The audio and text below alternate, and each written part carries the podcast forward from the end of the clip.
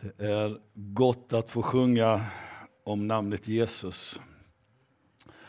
Ehm, jag funderar på hur jag ska kunna lösa det här med predikan och jag har massor att säga. Så jag tänker så här att jag, jag nämner kort om allt möjligt som jag har idag. Och sen kommer jag ta lite till veckan här på kvällarna och, och liksom utveckla lite grann, bara under några få minuter under de här bönekvällarna. Okej? Okay? Är det okej? Okay? Bra. Så ska vi se om vi kan spela in det på kvällarna också på något sätt, så att det finns med. Uh, förra veckan så började jag predika om bön och då så talade jag om att uh, Jesus hade för vana att be. Eh, mycket mycket, ofta och länge, inte minst. Vi talar om andra bönepersoner som Mose och Daniel Eh, David, jag talade, frågade om det fanns några garantier för bönesvar och vi nämnde då bland annat det här bulta så ska det öppnas för dig, sök så ska du finna och så vidare.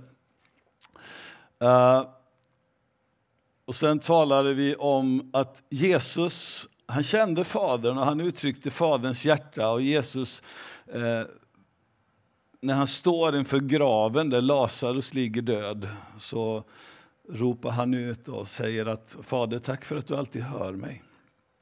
Och han bara uttrycker det här att Gud han, han hör bön, han svarar på bön. Och sen så börjar jag tala om olika, på olika sätt eller olika typer av bön. Eh, och den första nämnde är att be utifrån ordet, att använda oss av Guds ord, att faktiskt läsa ut Guds ord i bönen. Och som exempel tog jag den 23 salmen. Herre, du är min herde. Mig ska inget fattas. Tack för att du är min herde och så vidare. Kunna få be utifrån Gudsordet, att få ta tag i de olika löften som finns och så vidare.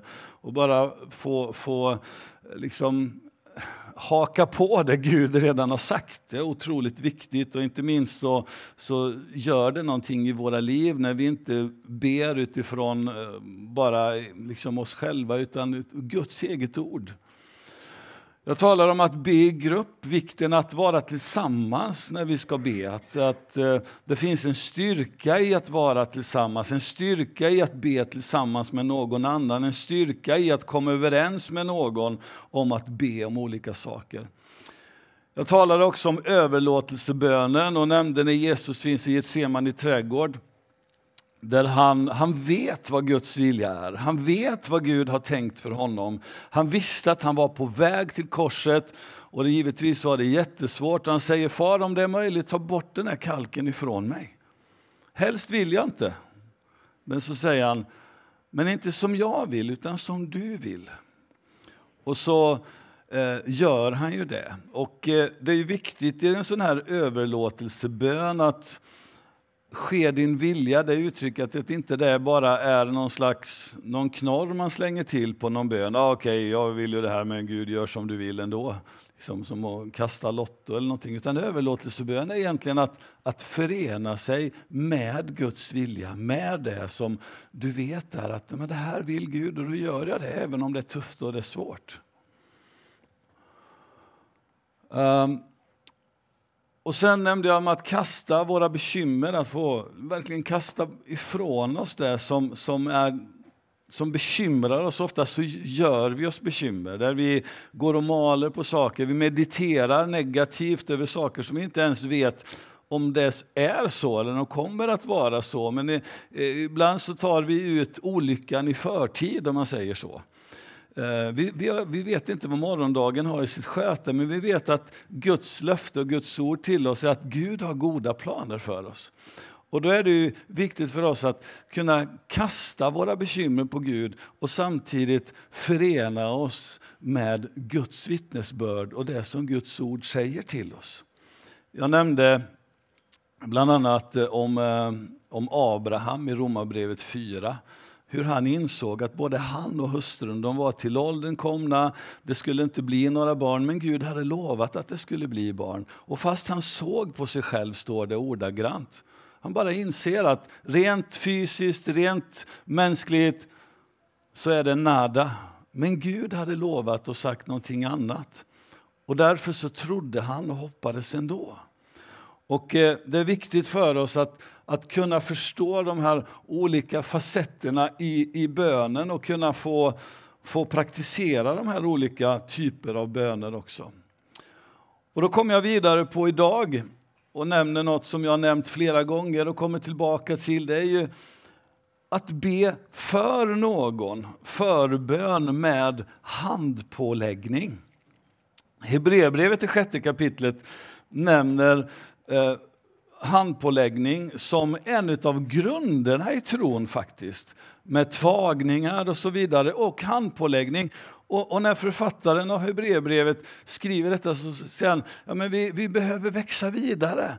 Och vi behöver, det, här är bara grunden. Handpåläggning är grund. Och vad betyder handpåläggning för någonting? Jo, det är att när, när vi ber för någon och, och lägger vår hand på den personen så finns vi med och förmedlar eh, välsignelser ifrån Guds hjärta till den personen. Men kan, kan Gud inte välsigna ändå oavsett om vi lägger händerna på eller inte? Absolut kan Gud det. Men det är en av principerna i Bibeln att, att liksom föra över det som Gud har gett oss. När Jesus sänder ut sina lärjungar så säger han till dem att det ni har fått för intet, ge för intet. Och Gud har gett nåd, Gud har gett liv, Gud har gett välsignelse, Gud har gett så mycket gott till dig och mig. Och vi är kallade att ge det vidare. Och det finns mängder av bibelord och bibelsammanhang som talar just om det här med handpåläggning. I Lukas 4, som inte står där på tavlan idag, men i Lukas 4 så, så kan vi se hur Jesus lägger sina händer på de sjuka. Uh, och i Markus 16, kapitel 16, så uppmanas de troende, de som tror på Jesus, att lägga händer på de sjuka. Och så står det att de ska bli friska. Dessa tecken ska följa dem som tror, står det i Markus 16. Ni ska lägga era händer på de sjuka och de ska bli friska. I Markus 10 till exempel så välsignar Jesus barnen. Han tar upp dem i famnen, han lägger sina händer på dem och han välsignar dem. Läser man i eh, Första Timoteus 5 och 22 bland annat så är det Paulus som skriver till sin eh, lärjunge Timoteus och han, säger, han, säger, han påminner honom om den nådegåvan som han fick genom handpåläggning. I Apostlagärningarna kan vi läsa på flera ställen till exempel hur apostlarna, lärjungarna, la händer på folk och de blev uppfyllda av den helige Ande. Så att lägga händerna på varandra, att lägga händerna på någon i bön och förbön är en, en grundläggande men djup biblisk sanning som, som vi bör praktisera frimodigt. Och givetvis så har vi här i Korskyrkan har vi en, en kultur och en regel och när vi lägger händerna på någon så ber vi om lov först och främst och nummer två så gör vi det väldigt försiktigt. Respektfullt. Och så ber vi för varandra. Och det finns eh, exempel också att, att lägga händer på, på personer också när man avskiljer dem i, till tjänst, bland annat i Apostlagärningarna kapitel 6 och kapitel eh, 16. Eh, så finns det ett bibelsammanhang där det står så att du ska inte vara snabb och lägga händer på någon. Och någon, någon har tänkt så här, ja men vad betyder det? Och framförallt så har frågan kommit eh, i sammanhang när det finns eh, demonisering, när någon person är alltså demoniserad av onda andar och så har man tänkt så här, man kan inte lägga handen på den personen för då kanske den här onda anden liksom hamnar på mig. Eh, men det sammanhanget handlar inte om det egentligen, utan det sammanhanget handlar om att man ska inte vara för snabb att lägga händer på någon, alltså att avskilja den personen in i olika uppgifter som den personen inte skulle vara mogen för. Det är egentligen vad det sammanhanget handlar om. För när det gäller det andra, att lägga händerna på en demoniserad person, så är det helt okej. Okay. Den som bor i dig är större än den som är i världen. Jag bara nämner de här sakerna idag. Du kommer säkert ha massa frågor och funderingar efteråt. Men jag går vidare, okej? Okay? Ni får ha överseende med mig idag. Uh, när vi, en annan typ av, av bön och också i samband med handpåläggning är ju att be trons bön utifrån Jakobs, kap, Jakob kapitel 5, eh, verserna 14 till 15. Där vi, vi kan läsa så här, jag läser till. Det står så här. Är någon Eh, vi kan ta vers 13 och framåt. Får någon av er lida ska han be, är någon glad ska han sjunga lovsånger. Är någon bland er sjuk ska han kalla på församlingens äldste, de ska be över honom och, herre, och i Herrens namn smörja honom med olja. Trons bön ska bota den sjuke. Står det. Och... Eh, vid flera tillfällen i, genom Bibeln och inte minst i Gamla testamentet så ser vi just detta med att smörja med oljan. Och oljan är ju en, en, en symbol eh, för Guds eget, e, egen närvaro över människors liv. När man avskilde kungar, profeter eh, och så vidare till tjänst så smorde man dem med olja som ett bevis för ett, ett, en, ett yttre tecken på Guds närvaro över den personen. Och när vi smörjer någon med olja så är det också ett, ett som ett, liksom du är täckt, du är vidrörd av Gud. Det som kan bli fel ibland, det är ju när yttre attributer används som något magiskt medel. Där eh, antingen olja eller ett kors eller en bild eller vad det nu än kan vara för någonting börjar användas som, som eh, vad ska jag kalla det för? Jag hittar inte ordet. Ja, men något magiskt. Jag har en god vän som jag känt i många, många år. Och när, när det var som mest det här pågick i hela världen egentligen med andlig krigföring där folk medvetet gick in i olika områden och regioner för att, för att be mot eh, andemakter och så. Han var väldigt inblandad i det här och det gick lite i överstyr för min kompis. Vid ett tillfälle skulle han be för någon till befrielse och då kunde han inte det, sa han, för han hade inte olja med sig. Och då har helt plötsligt oljan blivit en, en, liksom en magisk grej och inte tron på, på namnet Jesus och, och, och liksom namnet Jesus som sådant.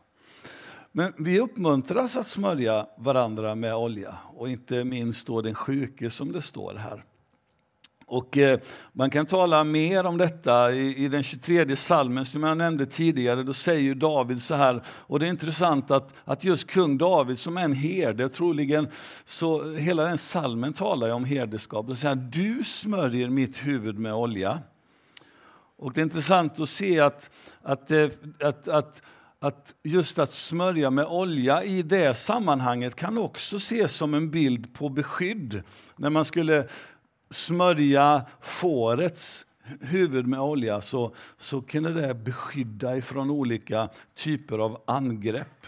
När herden smörjer fåret mot maskar och annat. Så oljan blir här ett tecken på Andens rustning och jämför det med frälsningens hjälm. Och det finns mycket bilder man kan ta i detta. Och någonting som är intressant att se utifrån Jakob 5 som jag läst här, att eh, är, är någon sjuk så ska man be de, de eh, äldste komma och smörja med olja. Så ordet sjuk på grek, i grekiskan här, det är inte bara en fysisk sjukdom utan det betyder svag också. Det betyder bräcklig, det betyder vacklande, otillräcklig. Och då tror jag det blir många av oss i behov av att smörjas med olja.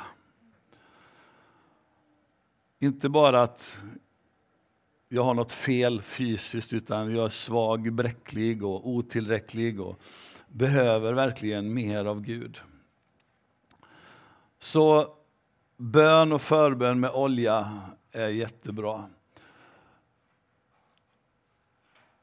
Bönespråket är fantastiskt att använda när du och jag ber. I Romarbrevet kapitel 8 så kan vi läsa där det står så här.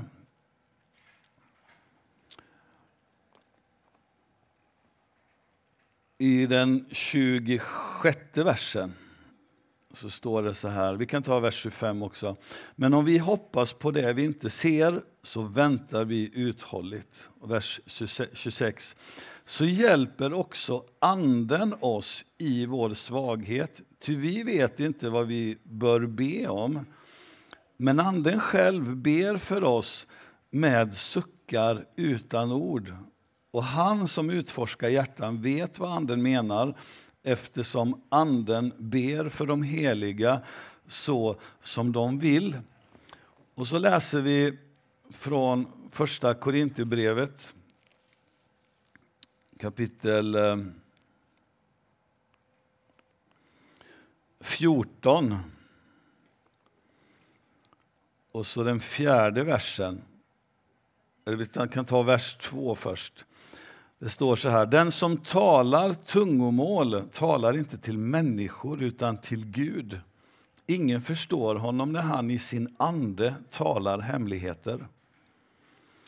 Den som profeterar talar till människor och ger dem uppbyggelse, uppmuntran och tröst. Vers 4. Den som talar tungomål uppbygger sig själv. Men den som profeterar uppbygger församlingen. Här talas det om, om tungomålstalet och det, det språket som bönespråket som Gud ger dig och mig. Eh, ett av tecknen eh, av den helige Ande i och över våra liv, det är förmågan att kunna tala i tungor. Och nu kanske du sitter här och undrar, vad i hela friden är detta? Att tala i tungor. Eh, när man läser i Apostlagärningarna 2, när den helige Ande blev utgjuten, när Anden kom över människorna eh, där och då och, och sen dess har, har varit utgjuten, alltså varit närvarande eh, i världen och över oss, så började de tala nya språk, står det. Och eh, de talade faktiskt språk som var begripliga. Människorna som fanns där, som hade kommit från mängd olika platser för att tillbe, de hörde de goda nyheterna talas till dem på deras eget språk av de här personerna som fanns i den här övre salen och hade blivit uppfyllda av den helige Ande. Och du och jag har ju del av den helige Ande. Vi har fått den helige Ande som gåva. Eh, det finns ju jag ska inte ta den fördjupade undervisningen just nu, men, men ingen som tror på Jesus Kristus och bekänner honom som Herre av sitt hjärta kan göra det utan att det är genom den helige Ande.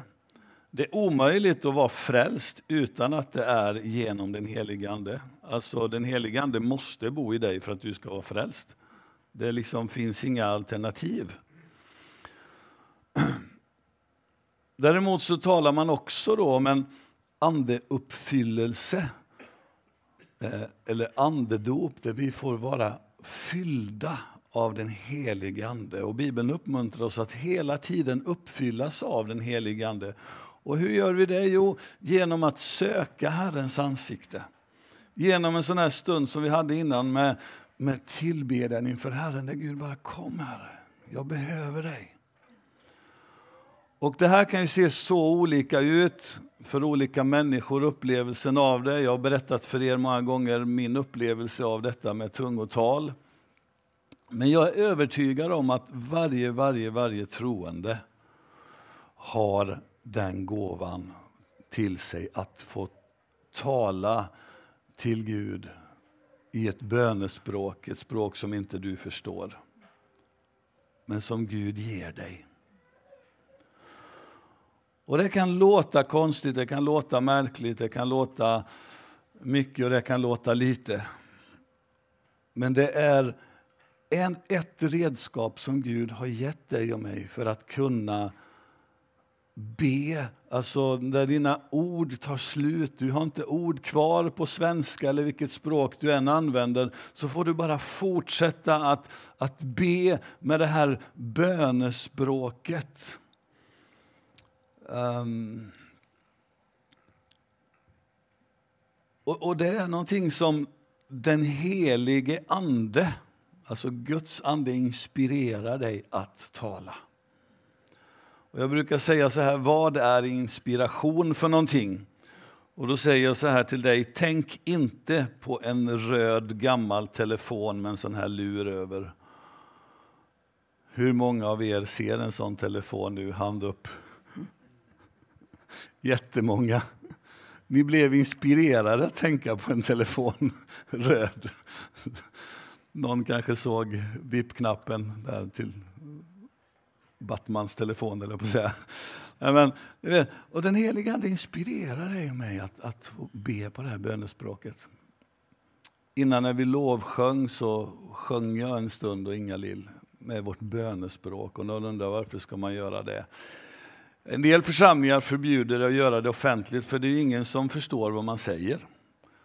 Så det är ju hellre, Paulus säger själv, hellre talar jag si och så många tusen ord med, med förståndet än, än att göra det liksom med bönespråket eller i anden. För det är ingen som, som är gagnad av det egentligen.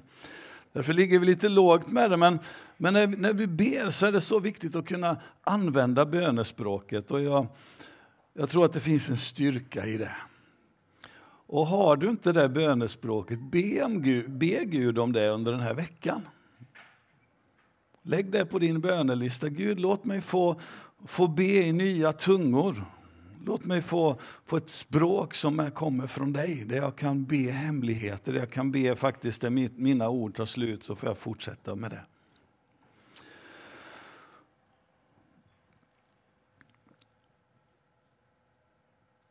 Och så en, en, en böne typ till och det är omvändelse och förlåtelse. Och jag tror det är oerhört viktigt att i bön få omvända oss inför Gud. Där vi gång efter annan bara får erkänna Gud, jag behöver dig. Gud, jag kommer till korta gång efter annan. I Svenska kyrkans eh, kyrkoordning för gudstjänsterna och för, för framförallt mässan så finns det ju syndabekännelse vilket är en viktig del. Där man får bara komma till Gud och säga att Herre, jag har syndat, förlåt mig. Men ännu viktigare är när man vet, när den helige Ande kan peka på någonting och säga att det inte bara liksom en, ja du vet Gud, det kan ju finnas någonting, du vet. Men där vi faktiskt vet, Gud, jag behöver omvända mig från det här. Och I Matteus 6, så, så i bönen Fader vår, så finns det en passus där, där bönen innehåller och förlåt oss så som och vi förlåta dem oss skyldiga är. Och förlåtelse är en sån viktig del i våra liv. Faktum är att i kapitlet tidigare i Matteus 5, när Jesus talar där i bergspredikan om olika saker, så säger han så här, ja, är du på väg och ska tillbe och vet att du har någonting otalt med din broder, lägg ner då din gåva, gör upp med den och sen kommer du och gör det. Därför att det är en sån otroligt viktig del i gudstjänsten, i mötet med Gud, att våra hjärtan får vara exponerade och rena inför honom. när Petrus har predikat i Apostlagärningarna kapitel 2, han har stått där och talat just på den här pingstdagen, så säger folket, vad ska vi göra? Och svaret han blir till dem, omvänd er. Omvänd er. Låt era hjärtan bli berörda, bli förlåtna. Och i psalm 139, sista två verserna, så säger psalmisten, Herre, om jag är stad på en olycksväg, led mig rätt. Hjälp mig, guida mig, för mina steg rätt. Och det här blir så viktigt, inte minst när vi kommer in i det som är fastan. Fasta, jag gillar det här uttrycket, fastan det är ett medel och inte ett mål.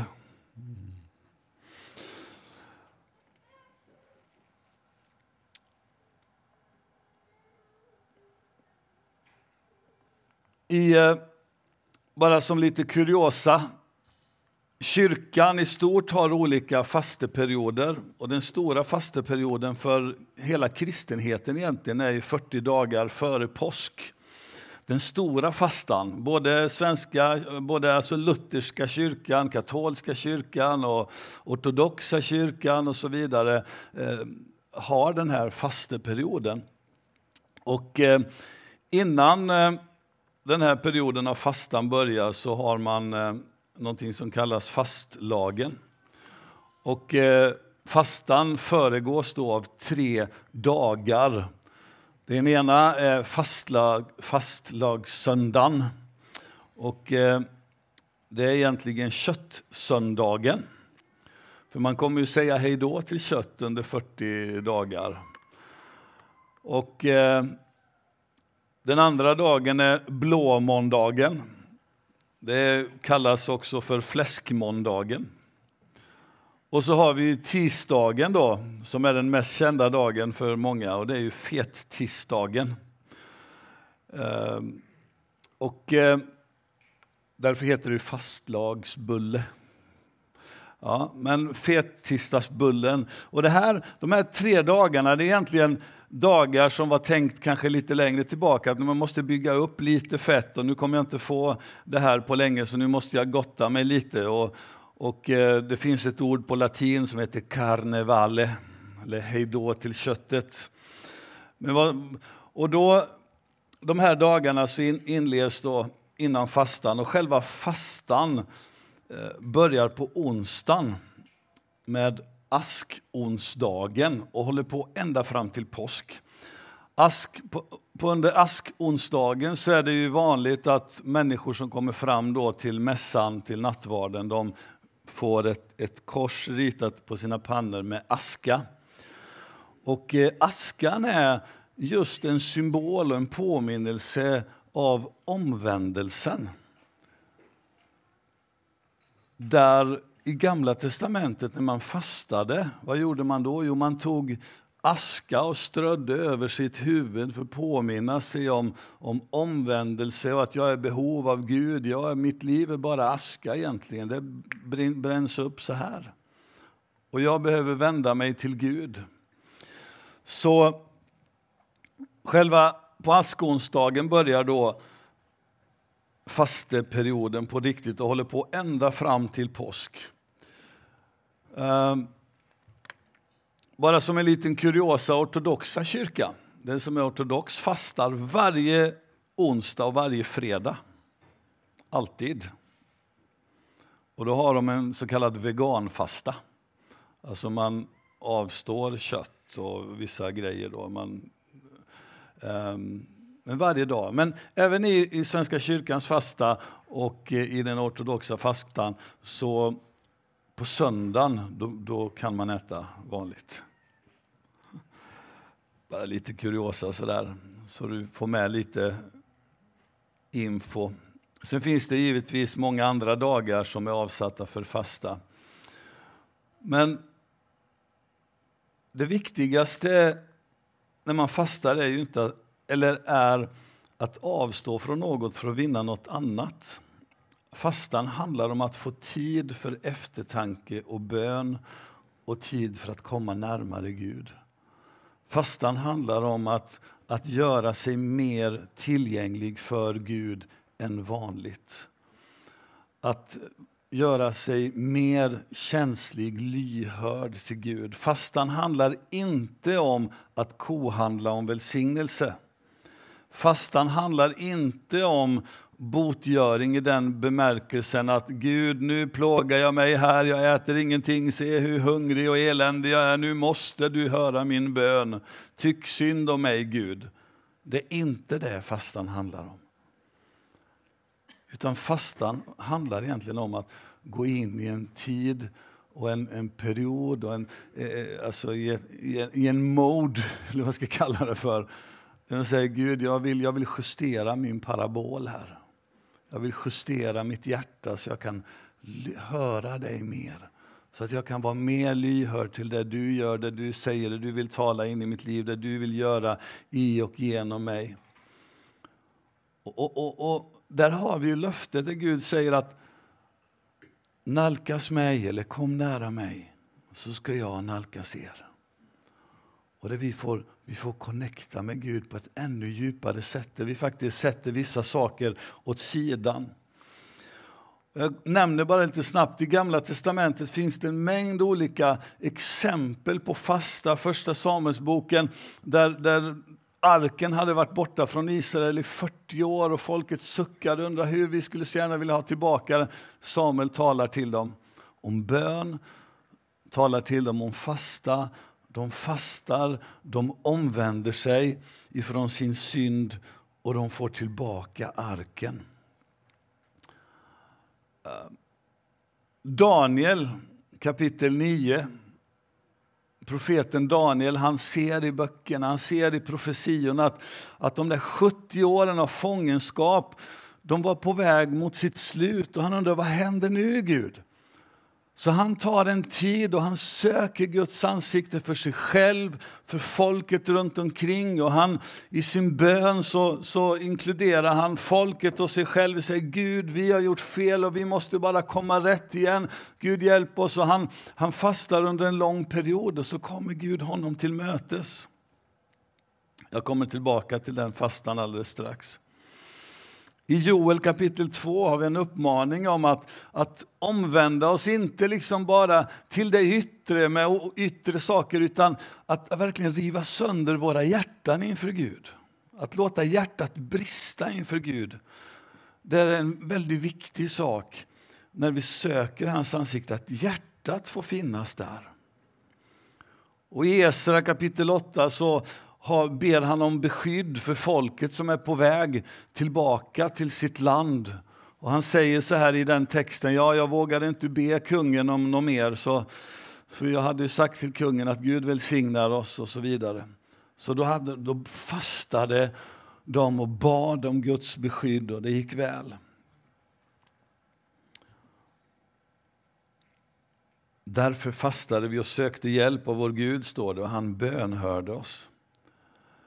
I Nya testamentet så finns det också flera exempel på fasta. Det här är bara några. Men i Matteus 4, kapitel 2, så fastar Jesus innan han går in i sin tjänst. Han fastar och, och faktiskt i, i 40 dagar.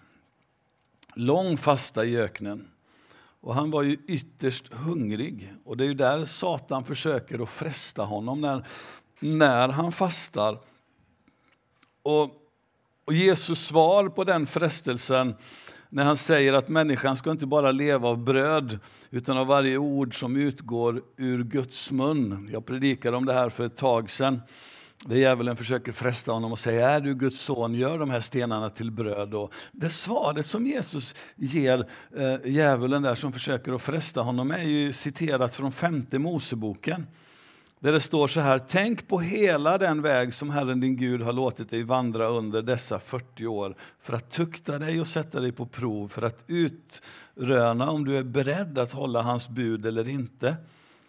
Han tuktade dig med hunger och lät dig äta manna han ville lära dig att människan inte lever bara av bröd utan av alla ord som utgår från Herren. Och hur, hur hjärtat finns där igen. Det är inte bara det här yttre, utan hjärtat är så viktigt.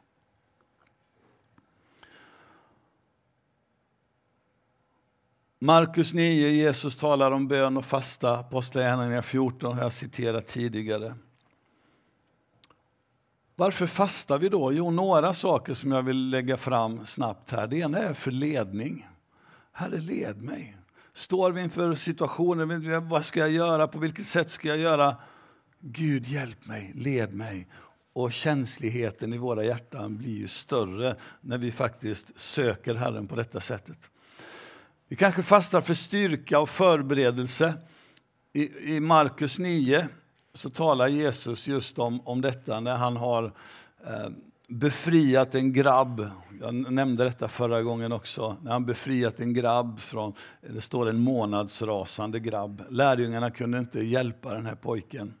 Han, den här onda anden kastade honom i elden och kastade honom i vattnet och så vidare. Och lärjungarna fixade inte det. De kommer till Jesus med honom.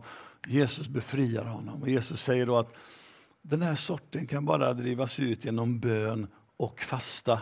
finns det i några handskrifter då där det står.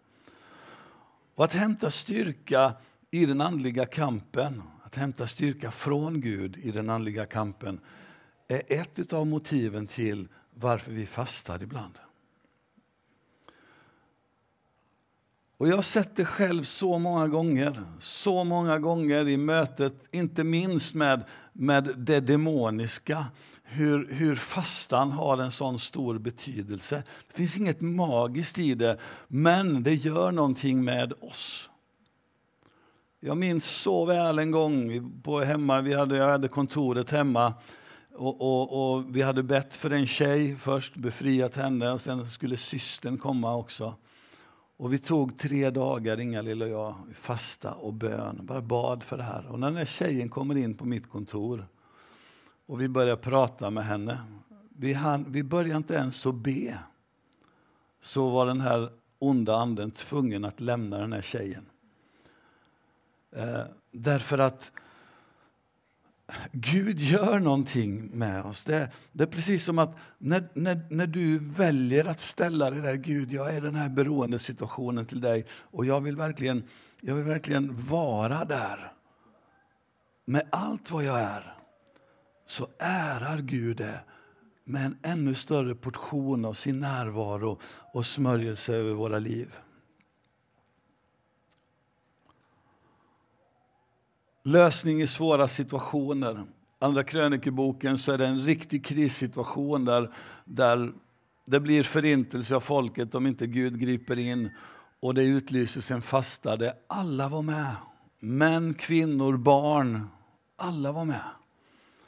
Inkludera den här fastan och så kommer Gud med svar till folket och befriar dem från den här svåra situationen.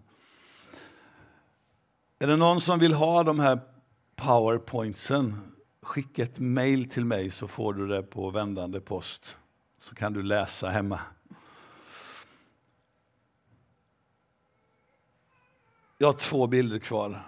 Jag måste ta dem. Lite grann typer av fasta. Och en naturlig fasta, Lukas 4.2, det Jesus fastade. Det står att han var hungrig, det står inte att han var törstig. De lärda dividerade om detta. Åt han inte bara, eller drack han inte heller? Man vet inte, men han, han eh, kan hända att han, att han inte bara åt, han drack. Och det är ett sätt att kunna fasta, det är att avstå från mat men inta dryck. Dryck behöver vi, eller hur? Eh, Annars finns det en helfasta vi möter det på några ställen i Gamla testamentet, i Esters bok till exempel, när hela Israels folk fastar för deras räddning och frälsning. När hon ska in till kungen och be om nåd och be om en lösning. I Apostlagärningarna 9 och 9 är det Saulus som fastar helt och hållet. Han varken äter eller dricker. Och, eh, Bibeln nämner också en del förlängda perioder av total fasta, men det sker utan tvekan Eh, med en himmelsk intervention skulle jag vilja säga. Mose står det om honom i femte Moseboken 9, att han fastade, han varken åt eller drack i 40 dagar och 40 nätter. Eh, men de vanliga typ, vanligaste typen av fasta skulle jag nog säga den tredje där som är en delfasta eller partiell fasta. där Daniel är ju ett, ett sånt exempel. Ibland talar man om Daniels fasta och då antingen menar man tre veckor eller så menar man en delfasta. Det vill säga att man avstår från vissa saker. I Danielsboken kapitel 1 så avstår Daniel och hans vänner från kött och från vin och de ber istället om att få äta grönsaker och dricka vatten. Och det gör de. Och det blir jättebra. De är friskare och ser starkare ut än alla de andra. Och sen i kapitel 9, så när Daniel har den här förlängda fastan som jag sökte Gud för hur går det med de här 70 åren nu? Så står det att han, han åt varken god mat, vad det nu är för någonting, och han drack inte vin. Han åt inte kött, tror jag det står också. Alltså, vissa saker lät han åt sidan. Och någonting som vi kan göra idag, som, som jag tror också kan vara en del av en partiell fasta, det är till exempel att fasta ifrån en sån här grej som tar oerhört mycket tid och fokus. Tänk om vi skulle ta all den tid som vi ägnar åt de här och söka Herrens ansikte istället. Oj, vilka bönemöten det skulle bli. Eller den där andra rutan som är på tvären, lite större. Ni vet vilken jag menar. Man kan, man kan tänka så här, men jag, jag, jag lägger bort det här ett tag. Den här tiden på året är en tid då många kyrkor har bön och fasteperioder. Och det är inte alls sällan man ser folk skriva så här på Facebook. Nu tar jag paus från Facebook i en eller två eller tre veckor eller vad det är för någonting. Och det är en del av en, en fasta. Och jag, jag lägger det åt sidan för jag vill ta tid med Gud istället.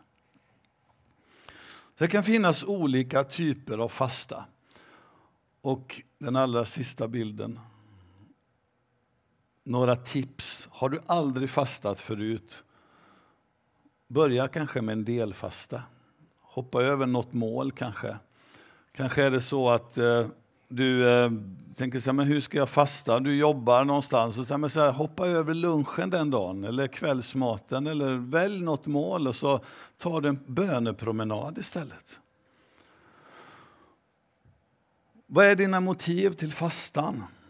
Det är viktigt att ha motiv, ha mål med sin fasta. Vad vill jag för någonting? Skriv ner någonting på, på ett blad. Kommer du att ta tid med Gud? Att bara fasta utan att be, det kallas för banta. Men att fasta och söka Gud, det är kombinationen. Och planera bön och bibelläsning. Be tillsammans med andra. Vet att då och då kommer jag ta tid. Och det är till exempel om du skulle välja att hoppa över ett mål. Ta den tiden som det skulle ta att luncha eller vad det nu är för någonting och gå den där bönepromenaden eller sätt dig i den där fåtöljen hemma och läs din bibel och be. Låt Gud tala till dig, tala du till honom. Så jag vill bara uppmuntra er to, to att plugga in plugga in i bönens kraft och fastans kraft. Jag, det har varit många grejer här idag, bara väldigt ytligt på ett sätt. Men jag hoppas att vi kan dyka in i det här fler gånger. Vill du ha de här punkterna, skicka ett mejl till mig så får du det med vändande post. Jag skulle vilja bara avsluta den här gudstjänsten med att, vill inte du sätta dig vid pianot Danne? Jag skulle vilja inleda den här perioden bara med, jag kommer stå här med den här oljeflaskan. Det är inget magiskt i det. men Jag skulle bara vilja välsigna dig som vill. Jag kommer bara rita ett kors på din panna och be att Gud välsigna dig. Oavsett vad det är du har i ditt hjärta. Du kommer gången ner här. Det tar tre sekunder per person. Och så går du tillbaka. Och så kommer vi avsluta gudstjänsten på det sättet.